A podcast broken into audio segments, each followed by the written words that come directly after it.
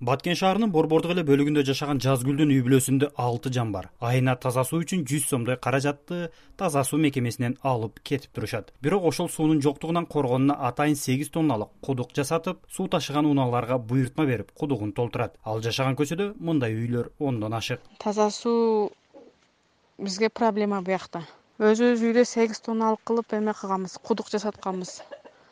Ого аптасыга бир тоннадан суу куйдурабыз бир тонна сууну эки жүз элүүдөн төктүрөбүз. Андан тышкары да таза суу ишканасынан келип ичкен сууңардын акчасын төлөгүлө дейт.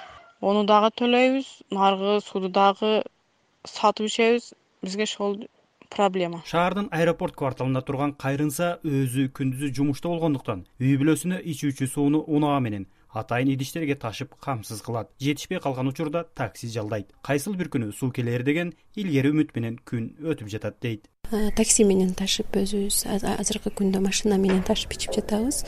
Анан же болбосо суу чыккан саатта биз жумушта болуп калабыз дагы.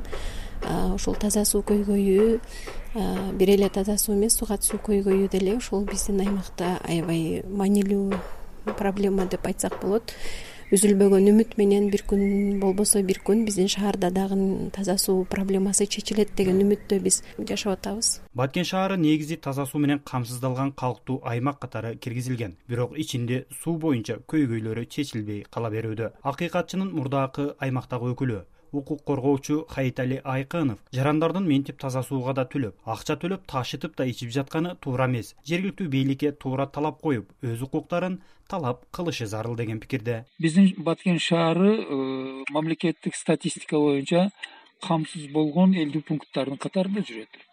Иш жүзүндө андай эмес. Кандайдыр бир жолдор менен өздөрүнө жанагы сатып алып же болбосо бир э, идиштерге толтуруп алып эме жашашы мүмкүн. Эң биринчиден ошол шаардын тургуну өзүнүн укугун өзү билип талап кыла алыш керек. Буга чейин да баткен шаарын таза суу менен камсыздоо боюнча бир нече долбоорлор ишке ашып эл аралык каржылык уюмдардан жүз миллион сомдон ашыгыраак каражат сарпталган. Учурда дагы жаңы долбоор башталып төрт миллион евро каражат алынды. Буга чейинки долбоорлор сапатсыз толук иликтенбестен ишке ашып калган. Ошондуктан элдин ишеничи да калбай калган дейт. Жаңы долбоорду ишке ашырып жаткан топтун өкүлү тойчубек маматисаев мурдагы болгон эки долбоор менен ушундай акча каражаттары жумшалып жумуштар аткарылган бирок ошого чейин деле эки саат ичип атсаң ошо бүткөндөн кийин деле ошондой болуп атты да. Мунун негизги себеби эски системалар булар алтымышынчы сексенинчи жылдагы курулган водопроводдор да алар ошону эски системага ургандан кийин азыр суу берилип атат суудун жетимиш проценти потеря. Кайра ошондой акчабыз биздин сууга кетпеш үчүн трубаларды баардыгын жаагын коюп атабыз и үйгө киргизип атабыз. Бул жолу шаар ичиндеги эски куурлар толугу менен алмаштырылып бир кварталда гана суу үзгүлтүксүз бериле баштайт. Демилге натыйжалуу болсо гана калган аймактарда иш башталат.